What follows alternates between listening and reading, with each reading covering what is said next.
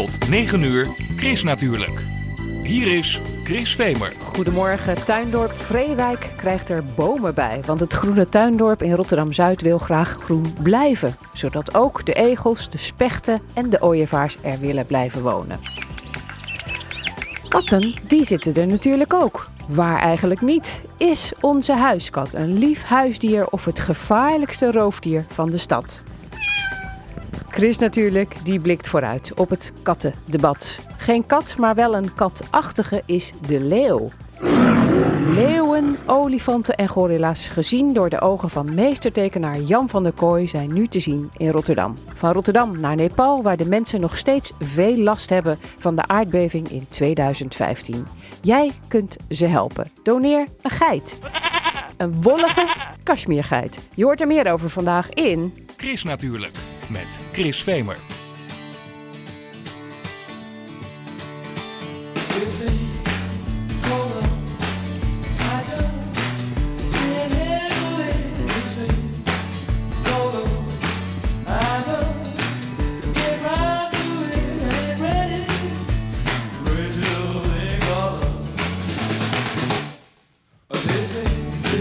Call up, call up the cry.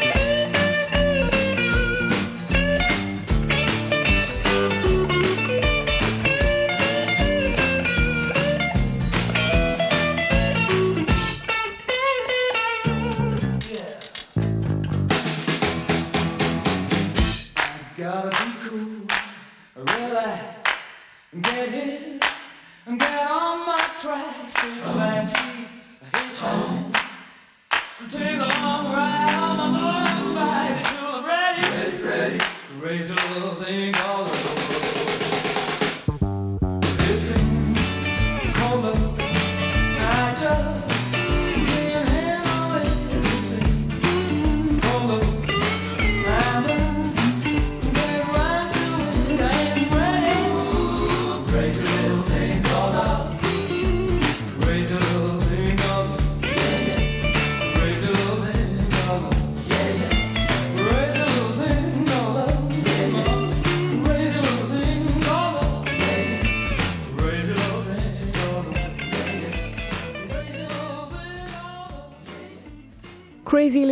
Called Love van Queen. De natuurtip van Chris natuurlijk. Een luierende tijger, een grazend paard en een tevreden herkauwende kameel. Tekenaar en schilder Jan van der Kooi die tekent veel dieren en hoe. Het karakter van een tijger of gorilla vangt hij door zijn model dagen achtereen te observeren en te schetsen in dierenopvangcentra en dierentuinen.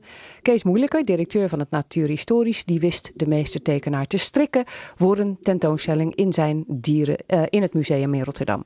En Chris natuurlijk, die was bij de opbouw. Ja, volgens mij hangt hij. Nee, maar vind jij ook niet, Kees? Of is dat mijn, uh, mijn oog? Uh, maar voor mijn gevoel hangt hij een klein beetje scheef, of niet?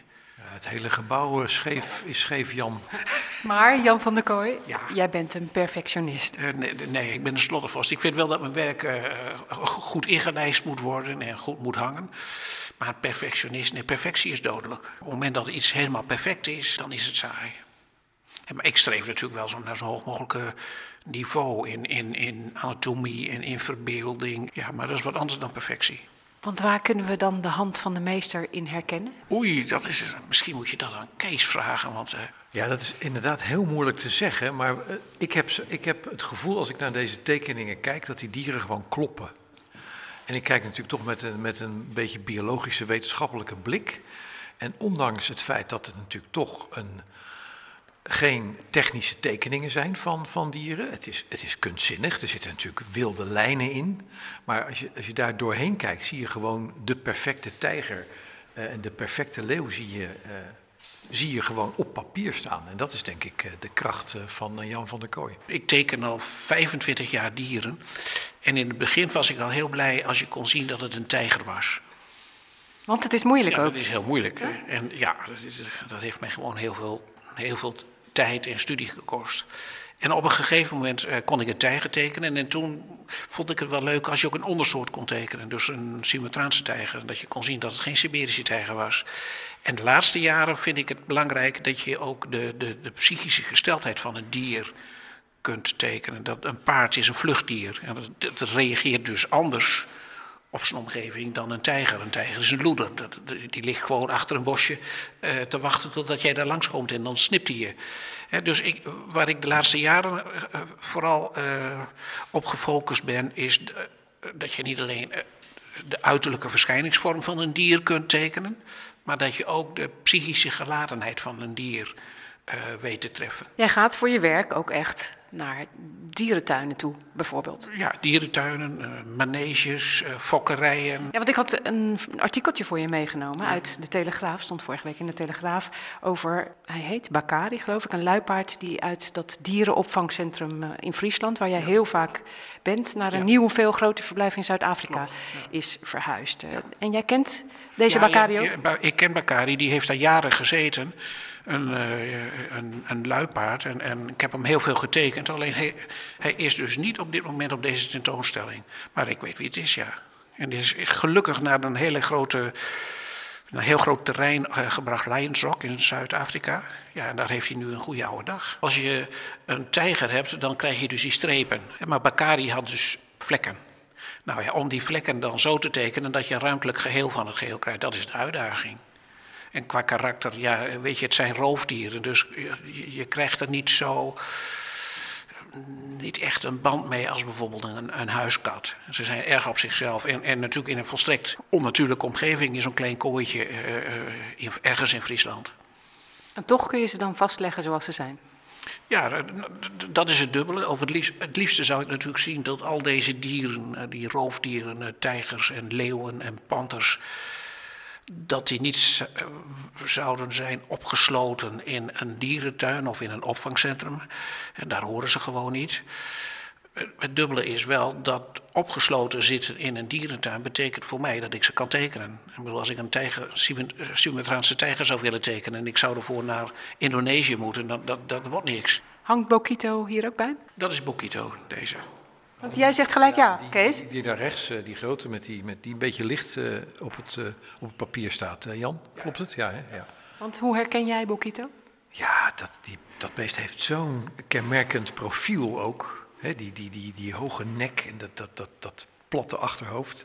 Ja, dat, dat is natuurlijk een van mijn favoriete apen in Blijdorp. Dus, maar ja, dat is dan het knappe van Jan, dat hij ja, dat weet dat vast te leggen. Dat is ook zo, ja, dat is ook heel knap, want van, ja, ik doe dat niet na. Ja, en en, en uh, mensapen, ja, mijn zoon is bioloog en die, die zegt je mag niet spreken van mensapen. Het zijn primaten, maar voor, voor het gemak even de mensapen, dat is, vind ik het uh, emotioneel het moeilijkste om te tekenen omdat, die, eh, omdat je daar ook een interactie mee hebt. Ik weet nog dat ik in Antwerpen uh, een aantal weken voor een glasplaat heb gestaan waar de chimpansees achter zaten en de bonobo's. En de eerste drie, vier keer dat je, dat, dat je er komt, dan zien ze je niet. En op een gegeven moment merken ze je op als je daar binnenkomt. En nog een paar dagen verder kwam er een van die uh, apen, die kwam naar het glas en die probeerde te kijken in mijn schetsboek. Dat vond ik wel heel... Uh, dat vond ik wel binnenkomen. Zo van, die heeft dus kennelijk toch in de gaten dat je daar iets aan het doen bent. En dan, en dan een big smile uh, op het gezicht van de aap of, uh, of instemming?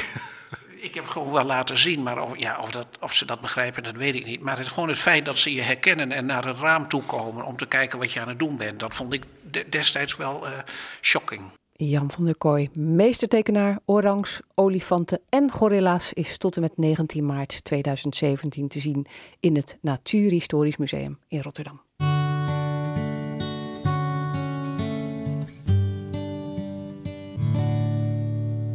Dit is een stiekem liedje, omdat ik jou niks heb gezegd. Een liedje voor mijn liefste, ik heb het niet met je overlegd. Stiekem wil ik jou vertellen dat ik zoveel van je hou. Omdat je doodgewoon van mij bent, ik je mijn leven toevertrouw. Als ik je stiekem zie genieten van een wodka met veel ijs. Ossenworst, garnaalkroketjes met de auto naar Parijs. Voelt het saampjes zo ontzettend, vertrouwd wij met z'n twee. Kunnen het simpelweg ook niet doen, daar zitten we niet mee. Dit is een stiekem liedje. Jij weet niet wat ik heb gedaan. Een stiekem liedje voor mijn liefste. Jij bent de bron van mijn bestaan. Stiekem wil ik jou vertellen dat ik zoveel van je hou. Omdat je doodgewoon van mij bent, ik je mijn leven toevertrouw. Ik kan het schreeuwen van de daken, ga jou gelukkig maken. Duizend rozen voor je snoeien, zelf mijn haar weer laten groeien. Stiekem kan ik zo genieten, zonder opsmuk of kabaal. Dat we samen zijn al jaren, doodgewoon en heel normaal.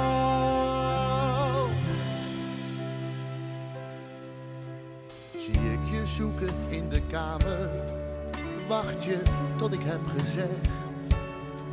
Waar je sleutels of iets anders deze keer hebt neergelegd.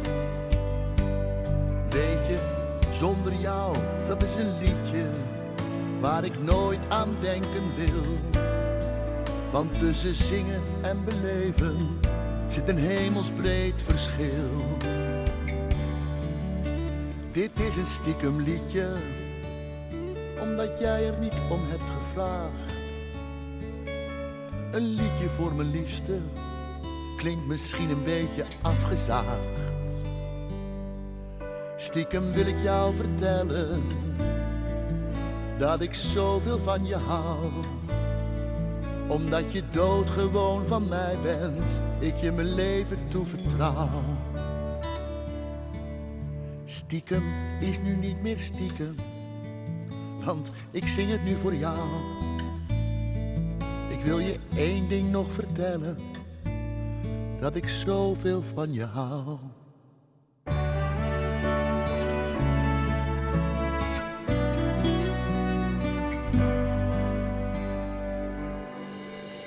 Stiekeme man hoor, die Paul de Leeuw met zijn stiekeme liedjes.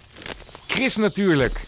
Lekker groen. Het feestelijke jubileumfeest voor het 100-jarige tuindorp Vreewijk in Rotterdam-Zuid zit er bijna op. Maar op de valreep zijn er in dit feestjaar nog een paar nieuwe bomen geplant. Dat is het begin van een grotere actie om volgend jaar nog meer bomen terug te planten in de wijk. Want het groene tuindorp wil graag groen blijven. Met een heel groepje mensen die allemaal warm lopen voor meer groen, wandelt Chris natuurlijk door de wijk. Voorop hovenier Martin Vlot, die het gezelschap meetroont naar een van de gemeenschappelijke binnentuinen in de wijk.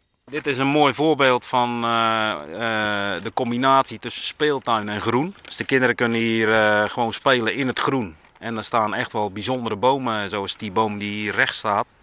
Ja, dat is een ginkgo biloba. En ja, die grootte, dat kom je gewoon in, in een stad als Rotterdam, kom je dat weinig tegen. Want hoe hoog is die? Nou, die gaan wel naar de, tussen de 15 en de 20 meter.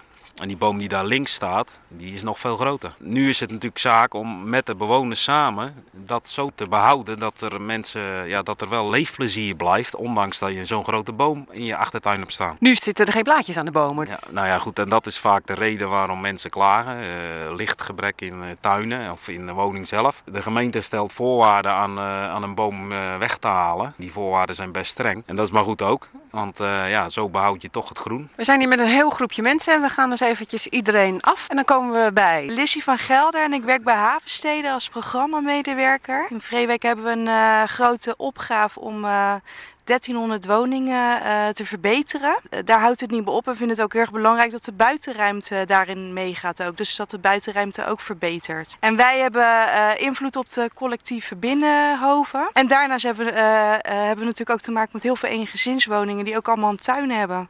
Dus het is een heel groen dorp. Ik ben eh, Jacob Zwijstra, ik ben eh, sociaal wijkbeheerder in eh Vreewijk. En wat heeft u met het groen hier in de wijk? Ik hou toezicht op het groen, of dat zo is zoals wij dat voor ogen hebben. En dan gaan we naar de dames van de wijk, want dit zijn echt wel de hoeders van, van het groen, zou je kunnen zeggen, of niet? Want wie zijn jullie? Ik ben Nettie van de Ende Annemieke de Jonge. en eh, wij zijn als bewoners zeer actief in de wijk al sinds 2006.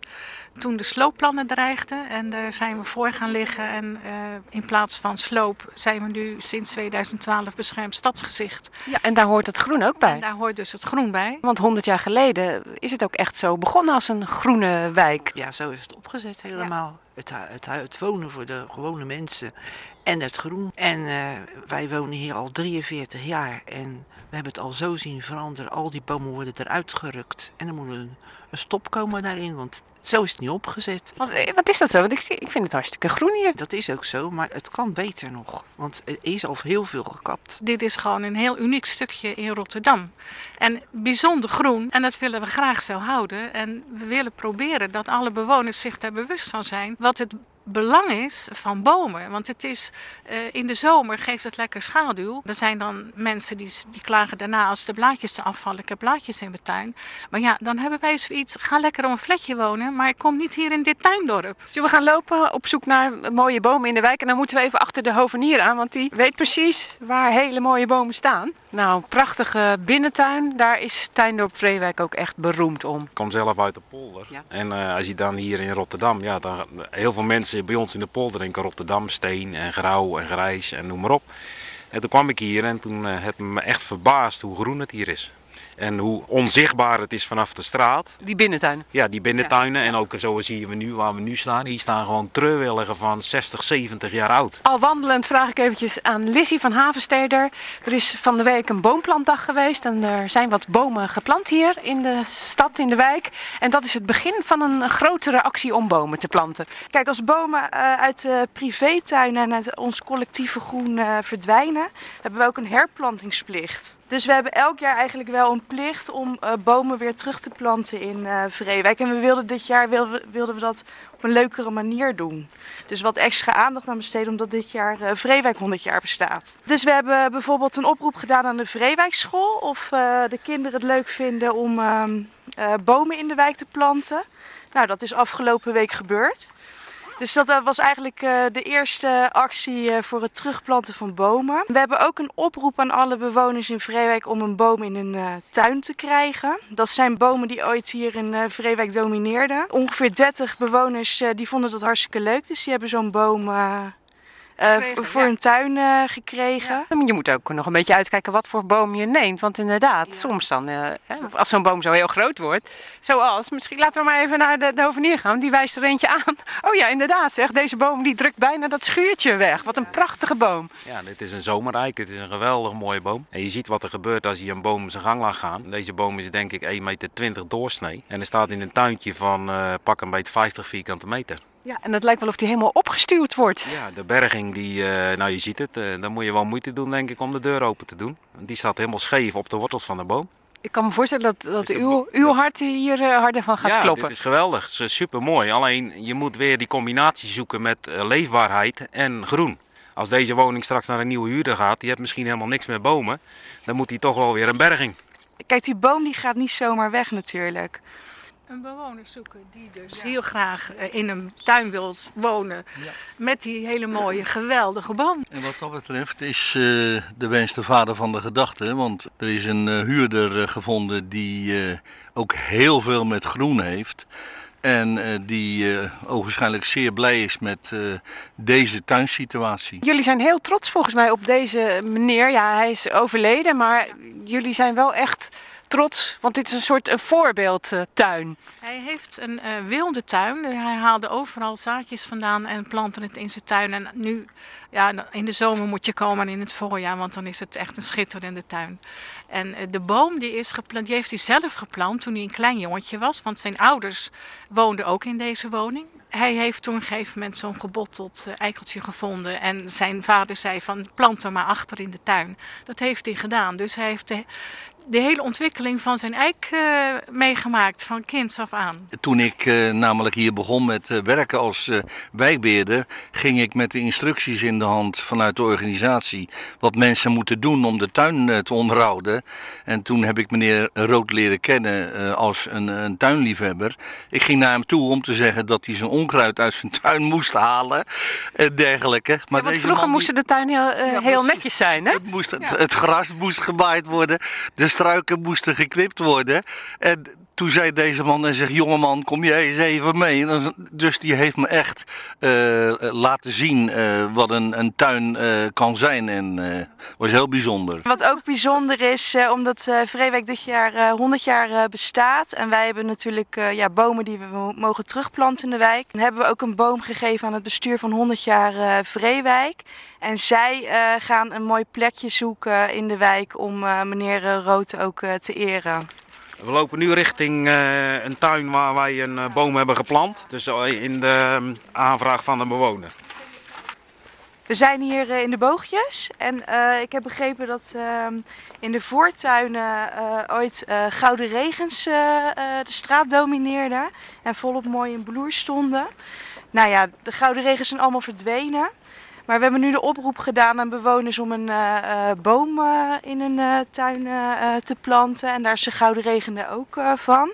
En één bewoner uit deze straat, uit de Boogjes, die heeft aan die oproep gehoor gegeven. Ja, en die heeft er een gekregen. En die heeft er een gekregen. Ja, want dan moet ik toch nog even weer naar de bewoners. Want het schijnt zo te zijn dat vroeger, toen deze wijk dus werd opgezet, dat iedereen ook een boom in zijn tuin kreeg.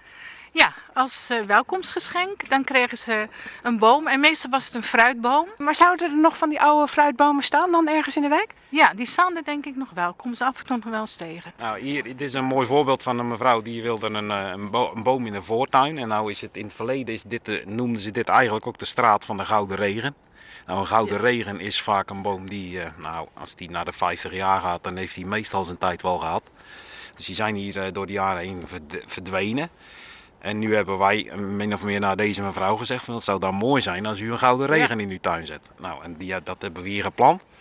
Nou, dan zie je dat je daar wel wat voor moet doen. Hè? Wat tegels weghalen en uh, struiken moeten omgezet worden. Maar ja, dan krijg je wel, dat, dan ga je wel in de richting je doel. En je houdt heel veel uh, leven wat betreft uh, ja, de biologische waarde hou je in zo'n wijk goed.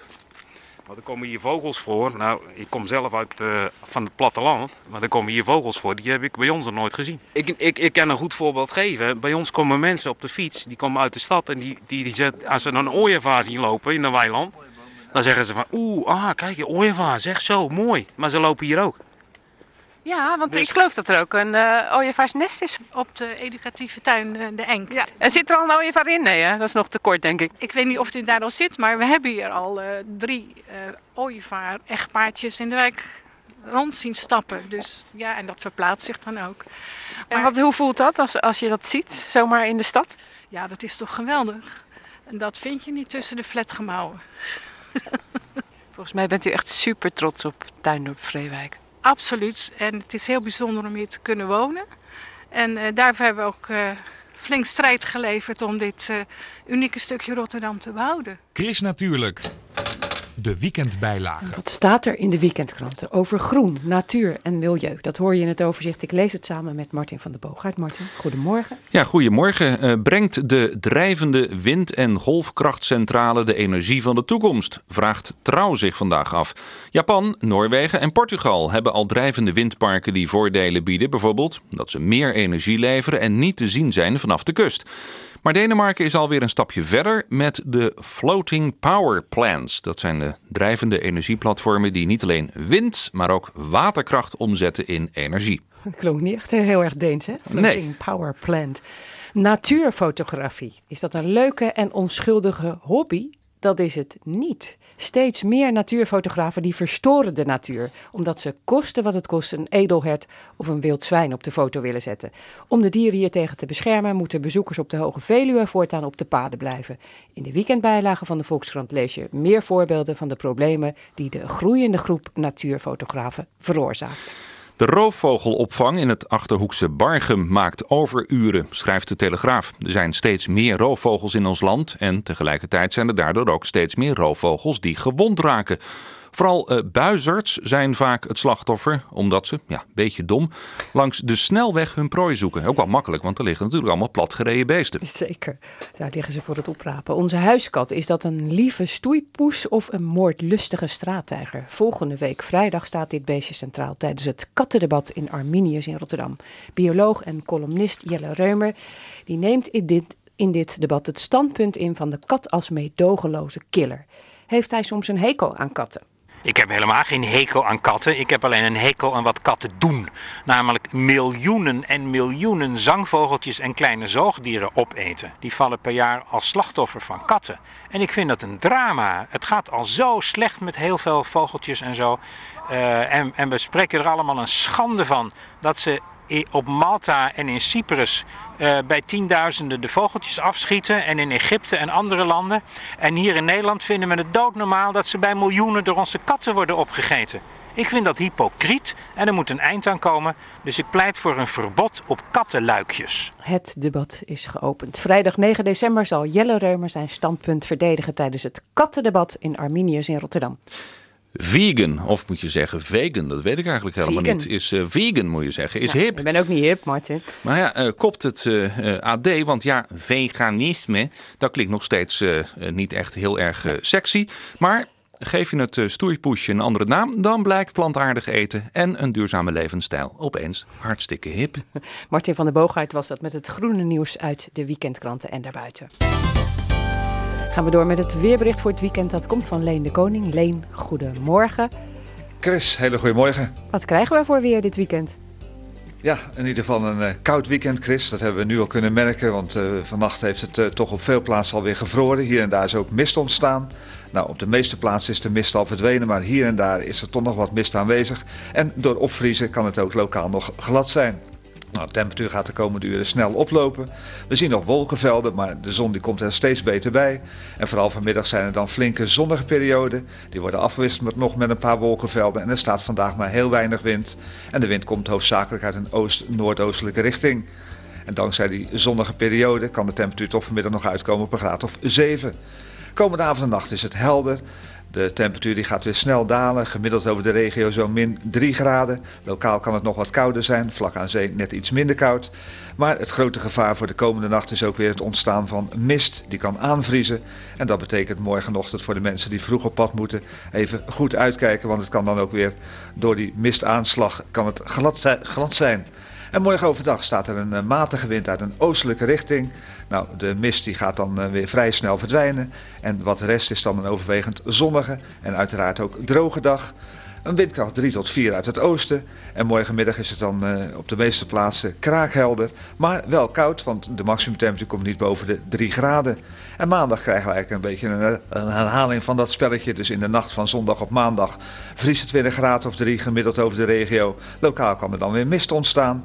En maandag overdag flinke zonnige periode, een paar wolkenvelden. En in de middag een graad of 4. Maar dat winterse weer dat duurt maar heel kort deze keer. Want vanaf dinsdag, woensdag gaat de temperatuur weer snel omhoog om uit te komen woensdag alweer op een graad of 9. En dan is dat winterse weer dus alweer eh, even voorbij, Chris. Jeetje, we kunnen er maar niet aan wennen, hè? Het blijft, uh, het blijft yo-yo, Chris. Ja. Het is, uh, het is, er zit nog geen standvastige periode aan te komen. Nee, nou ja, toch een fijn weekend. Dankjewel. Eens gelijks.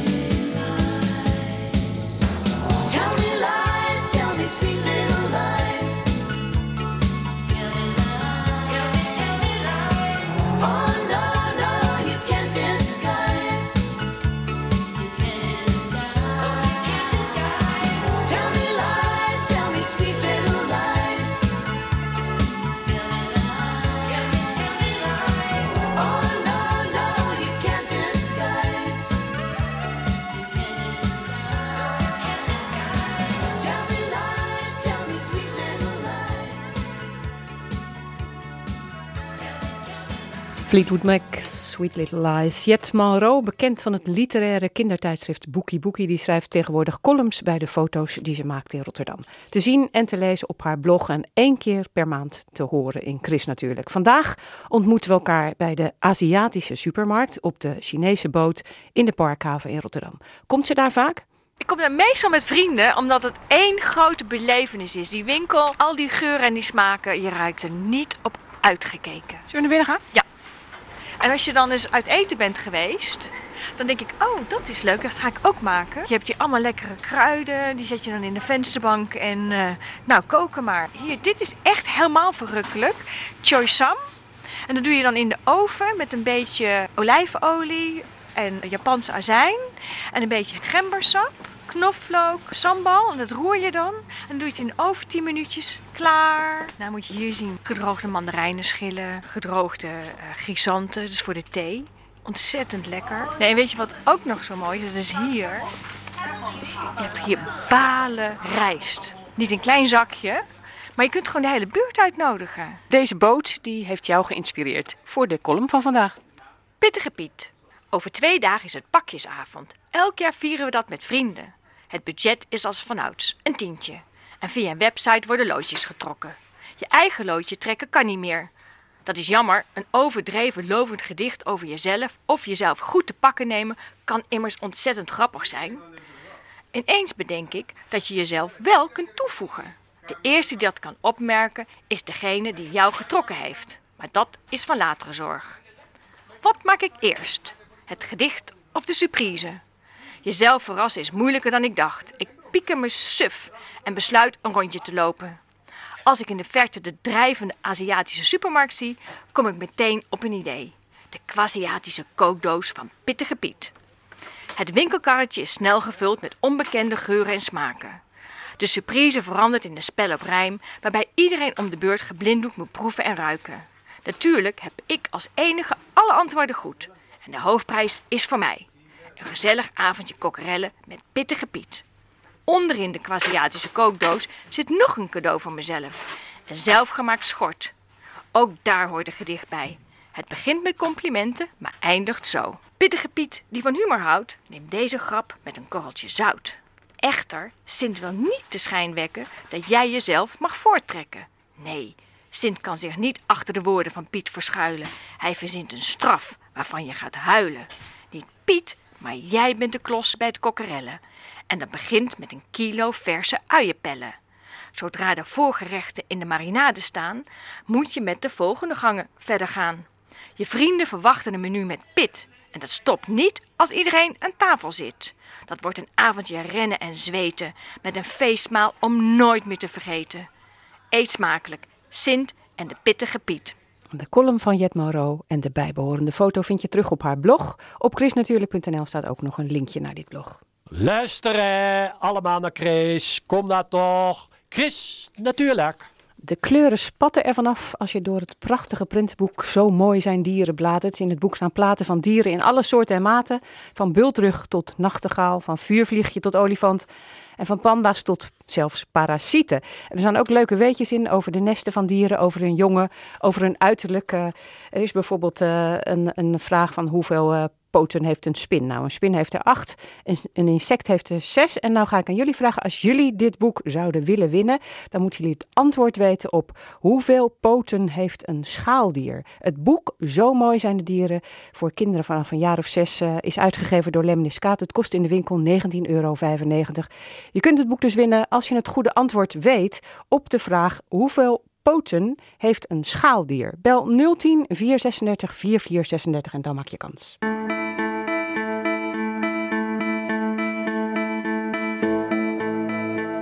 will do.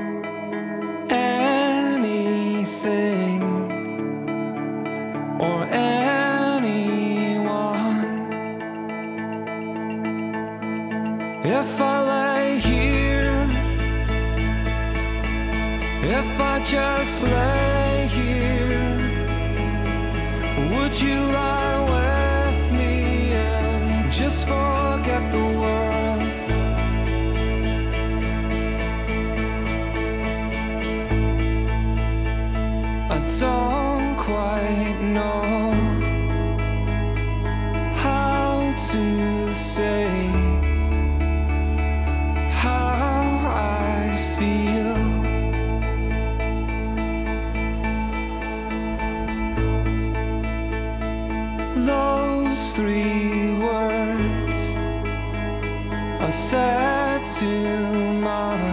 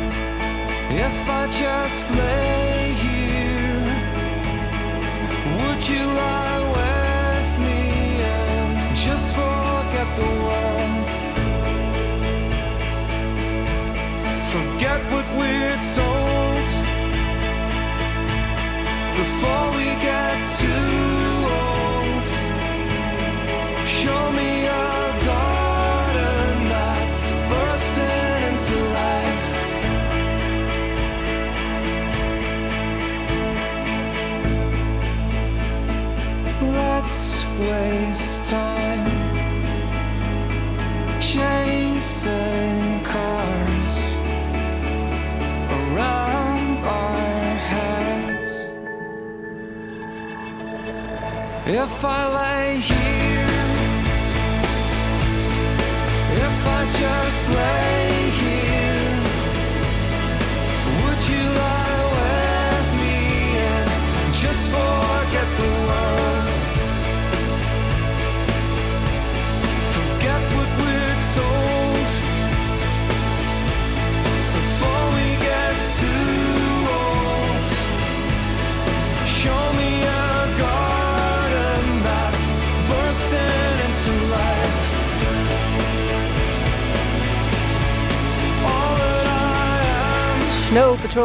Chasing Cars. Doneer een geit. Zo heet de actie van Shaki en Fons Burger om de Kashmir-industrie op een kleinschalige manier terug te brengen in Nepal. Het Rotterdamse echtpaar heeft zich het lot aangetrokken van de bevolking van Nepal, die nog steeds te kampen heeft met de gevolgen van de aardbeving in 2015. De Kashmir-wol die wordt verwerkt in de kledinglijn van het echtpaar die aan hoge eisen moet voldoen, vertelt Shaki Burger. Cashmere is een, eh, een heel populair product. Het is ook eh, eh, heel erg fijn om te dragen, want het is, je kan het heel dun breien en het isoleert heel goed. Cashmerewol komt van geiten en het is ook heel belangrijk dat je die geiten goed behandelt. En voor ons merk So Good To Wear willen we diervriendelijk cashmere inkopen en dat is helemaal niet zo gemakkelijk. Dus gaan we zelf een kudde beginnen en dan slaan we twee vliegen in één klap. Want we brengen duurzame werkgelegenheid naar een streek waar het heel hard nodig is. In een streek waar het ideaal is voor geiten. Dus we krijgen hele gelukkige geiten en hele gelukkige mensen. Per dorp wordt een eh, kleinschalige kleine geitenkudde uitgezet. En eh, we trainen de mensen ter plaatse in eh, technieken die al lang bestonden, maar eigenlijk een beetje zijn verdwenen. Zoals het handmatig kammen en het, eh, het spinnen van de wol en ook het verven van de wol. En dat willen we dan ook nog graag met natuurlijke materialen doen. Zodat de kledingstukken die we uiteindelijk krijgen echt eh 100% diervriendelijk en fair zijn. En die geiten, dat zijn hele leuke beesten, heb ik begrepen. Het zijn super mooie geiten en super leuk. het zijn eh, eh, hele ondeugende, eigenwijze geiten met allemaal een heel eigen karakter. Ja, en je hebt een foto bij je van zo'n geit, hè? want eh, hij heeft echt heel veel haar. Ja, de kashmirgeit heeft eigenlijk twee vachten. Het heeft een bovenvacht met, eh, met lange haren, maar ook een ondervacht. En in de, eh, als het koud wordt, als het herfst wordt, dan groeit de ondervacht aan. En als het eh, lente wordt, dan eh, laat hij eigenlijk weer los. En dan heeft hij eigenlijk een soort rasta-koep. Want je ziet echt eh, dat die ondervacht helemaal door de bovenvacht heen strengelen. En dan vindt de geit het ook heel fijn om die weer kwijt te raken. Ja, en dat wordt dan gebruikt als wol. Dat wordt gebruikt als wol. En nu dus de actie, doneer een geit. Ja, wij ehm, vragen zoveel mogelijk mensen om een geit te doneren aan Nepal. Je koopt dus een geit, die krijg je niet zelf in je achtertuin, want die gaat naar Nepal. Het is ook geen lening, dus je krijgt er ook geen eh, rente op terug, want we hebben een social enterprise enterprise. Dat betekent dat alle winst die we maken weer teruggaat in de onderneming. Maar als jij een geit koopt, dan heb je wel inspraak. Dus wat we met die winst gaan doen, daar kun je over meepraten. En daarnaast krijg je korting op alle producten die we maken. En wat kost zo'n geit? 100 euro. En dat kun je zelf doen, maar je kunt het ook samen met maximaal vijf mensen doen. En dan krijg je ook alle vijf die inspraak en de korting. We hebben 50.000 euro nodig om de geitenkudde te starten. En uh, we hebben tot 31 januari om dat op te halen.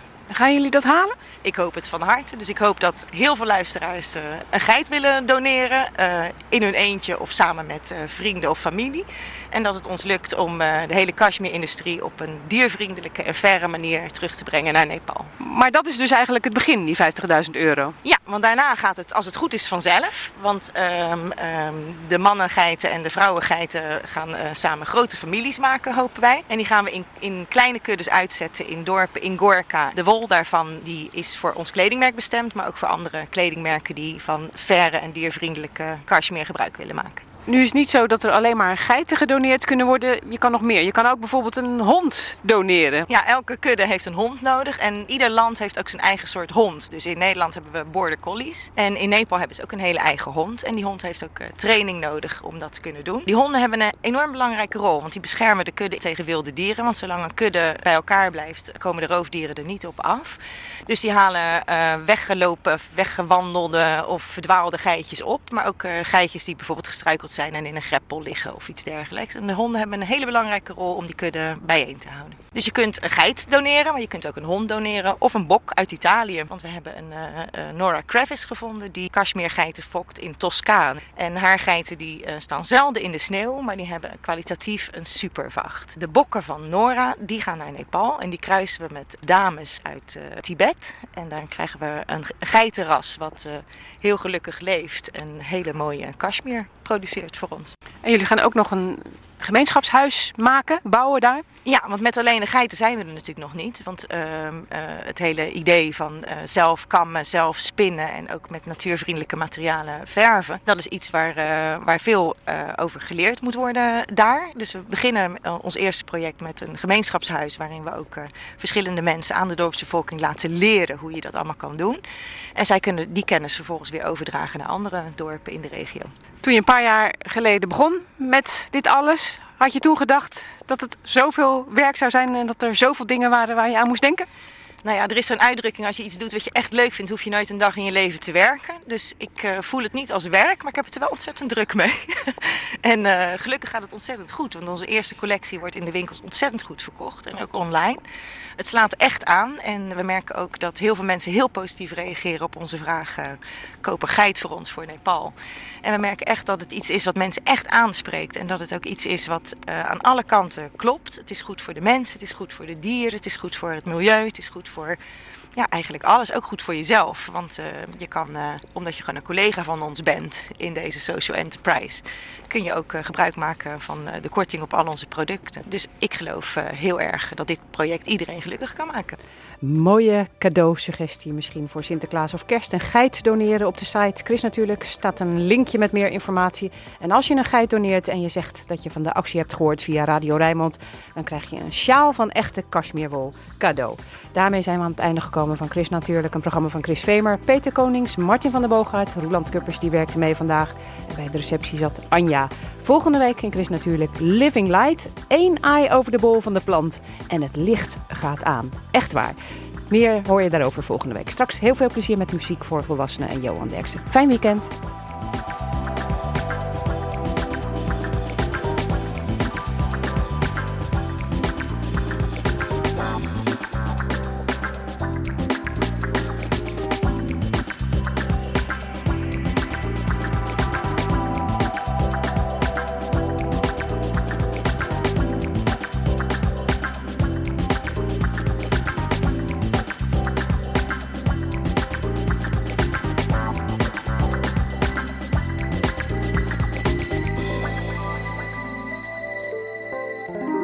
Natuurlijk. Kijk ook op chrisnatuurlijk.nl